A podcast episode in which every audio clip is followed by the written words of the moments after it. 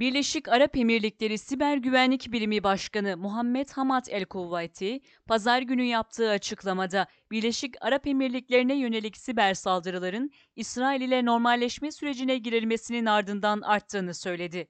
Virtual Attacks tarafından yapılan habere göre Dubai'de gerçekleştirilen bir zirvede röportaj veren Kuvayti, İsrail ile normalleşmeye gelen bağlantımız Birleşik Arap Emirlikleri'nden birkaç aktivistin muazzam bir saldırısını başlattı, dedi.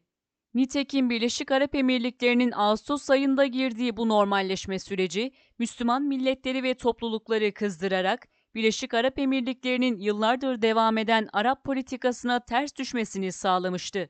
Siber Güvenlik Başkanı, finans sektörünün hedef alındığını söylemesinin dışında bir ayrıntı vermedi.